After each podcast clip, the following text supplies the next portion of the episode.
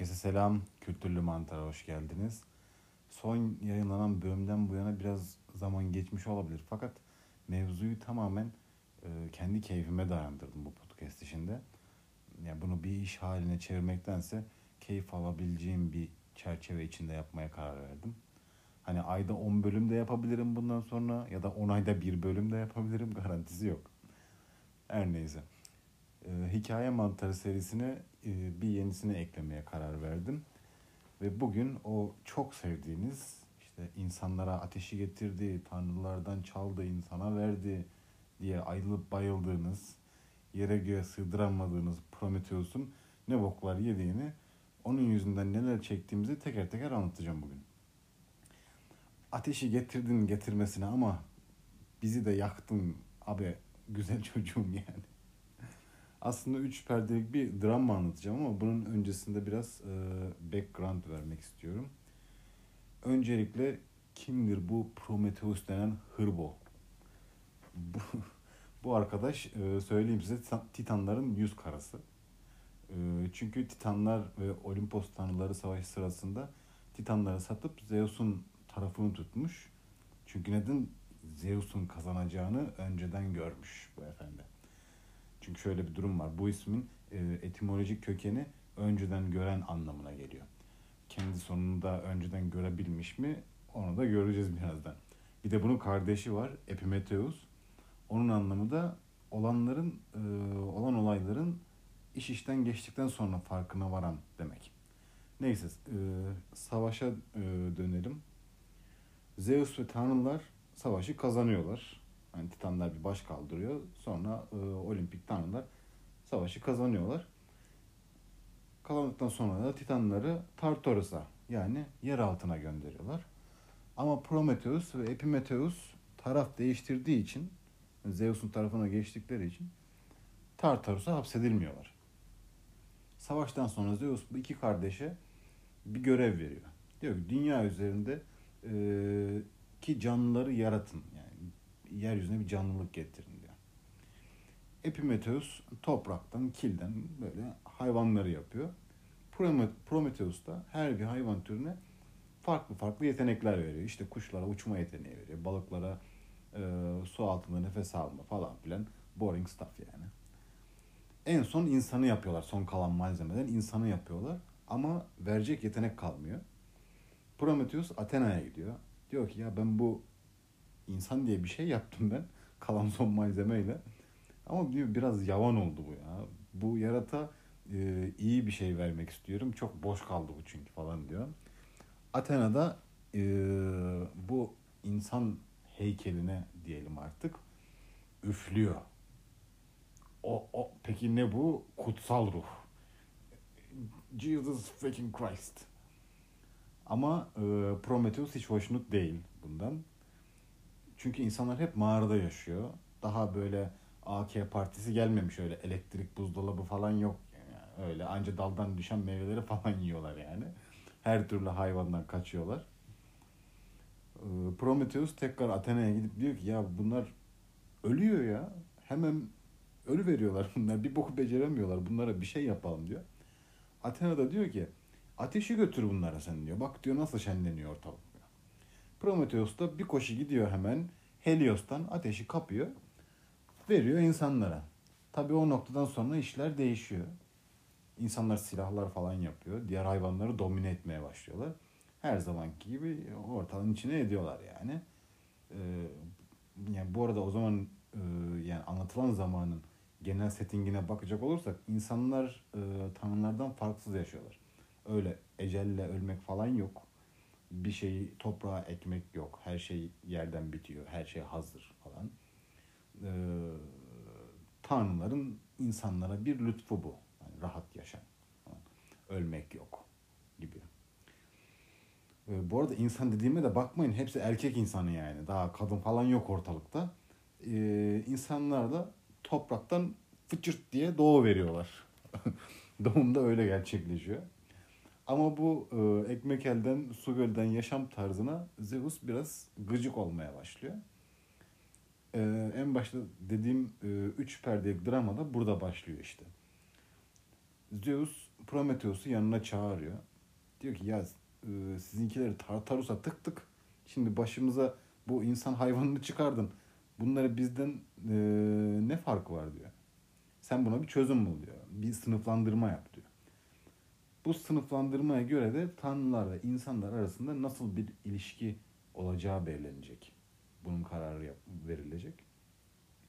İşte o çok sevdiğiniz Prometheus şu andan itibaren yavaş yavaş emdiğimiz sütü burnumuzdan getirecek yani bu noktadan itibaren. Şimdi bu e, ayrımı tanrı insan arasındaki ayrımı yapmak için etli butlu bir boğa getirtip bunu mahalle kasabına güzelce kestiriyor Prometheus denen arkadaş. Bu kesilen boğayı da iki paya bölüyor. Payın birinde ne kadar dalak, bağırsak, leş, sakatat varsa hepsini topluyor böyle bir tarafta. Ama üstüne böyle gerdan etiyle, böyle pöçle falan örtüyor. Yani dışarıdan bakınca on numara en güzel etler ama böyle içi leş. Diğer e, tarafa da en güzel etleri koyuyor. Ama onlar da işte işkembeyle falan sarıyor. Yani bu payında dışı leş, içi of yani. Full antrikot, kaburga, T-bone steak falan öyle bir et yani. Ee, Sonra bunları Zeus'a gösteriyor. Zeus bunlardan birini seçecek. Bu iki paydan birini seçecek.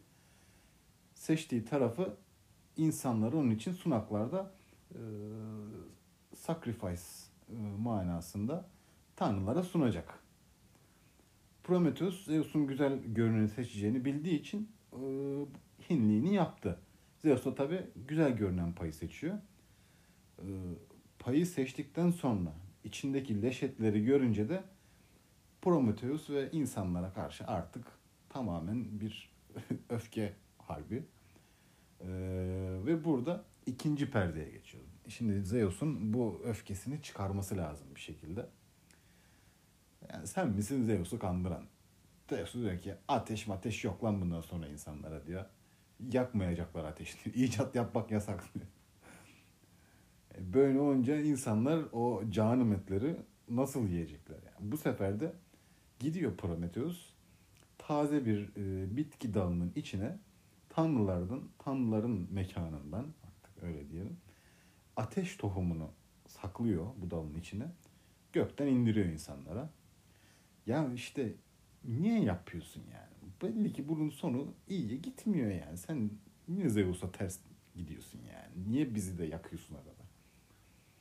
Her neyse insanlar tekrar ateşe kavuşuyor.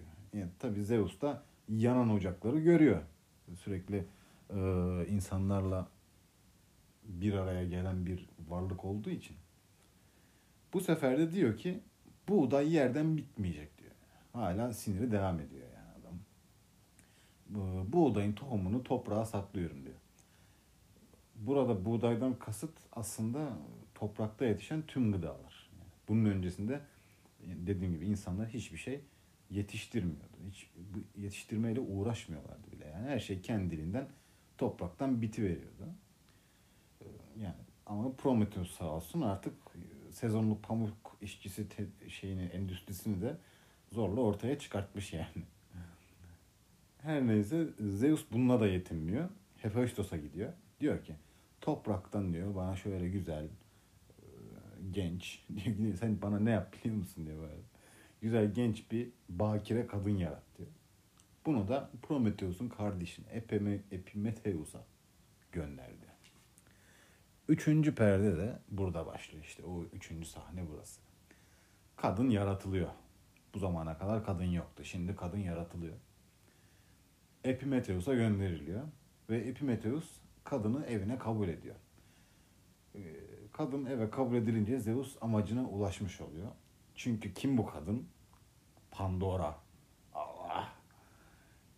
Dışarıdan bakınca böyle güzeller güzelliği, herkesin böyle sevdiği, efendim söyleyeyim ağzının suyu aktığı, böyle herkesin iste, istediği bir yaratık. Ama içinde bin bir türlü felaket var yani. yani Prometheus o leş etleri nasıl süsledi püsledi böyle dalak bağırsak kakaladı Zeus'a. Zeus da aynısını Pandora ile insanlara yapıyor. Yani Pandora'nın kutusu, Pandora'nın kutusu e, denen şey aslında Pandora'nın ta kendisi. Aslında kadın ve kadın ölümle birlikte geliyor. Yani kadın ölüm demek burada. İnsanlar Pandora'yı kabul ettikleri anda bütün felaketler, hastalıklar yayılmaya başlıyor. Dedik ya insanlar önceden ölmüyorlardı falan ama Pandora'nın gelişiyle hastalıktan, yorgunluktan ölüyorlar artık. Ee, ve mitik ögelerde böyle mitik e, mitoloji anlatımlarında kadının ölümü temsil ettiği çok hikayeyle karşılaşırsınız. Hep doğum ve ölüm dualitesi vardır kadında. Böyle e, ağzımıza ediyor Prometheus. Şimdi Zeus bizim cezamızı verdi. Peki Prometheus'a ne oldu?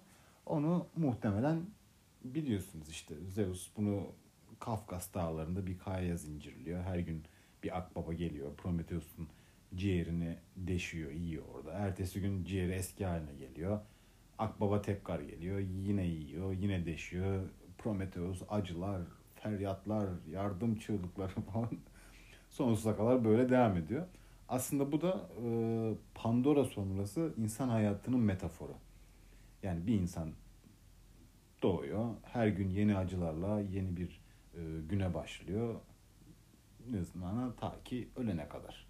Ve öldüğü gün bir başkası doğuyor. Aynı veya farklı acıları bu sefer o insan yaşıyor.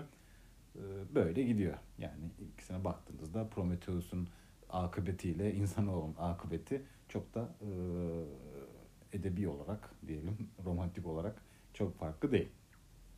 Evet, umarım Prometheus seviciler biraz e, kendinden utanmışlardır. Bugün bunları yaşıyorsak e, tamamen Prometheus yüzünden.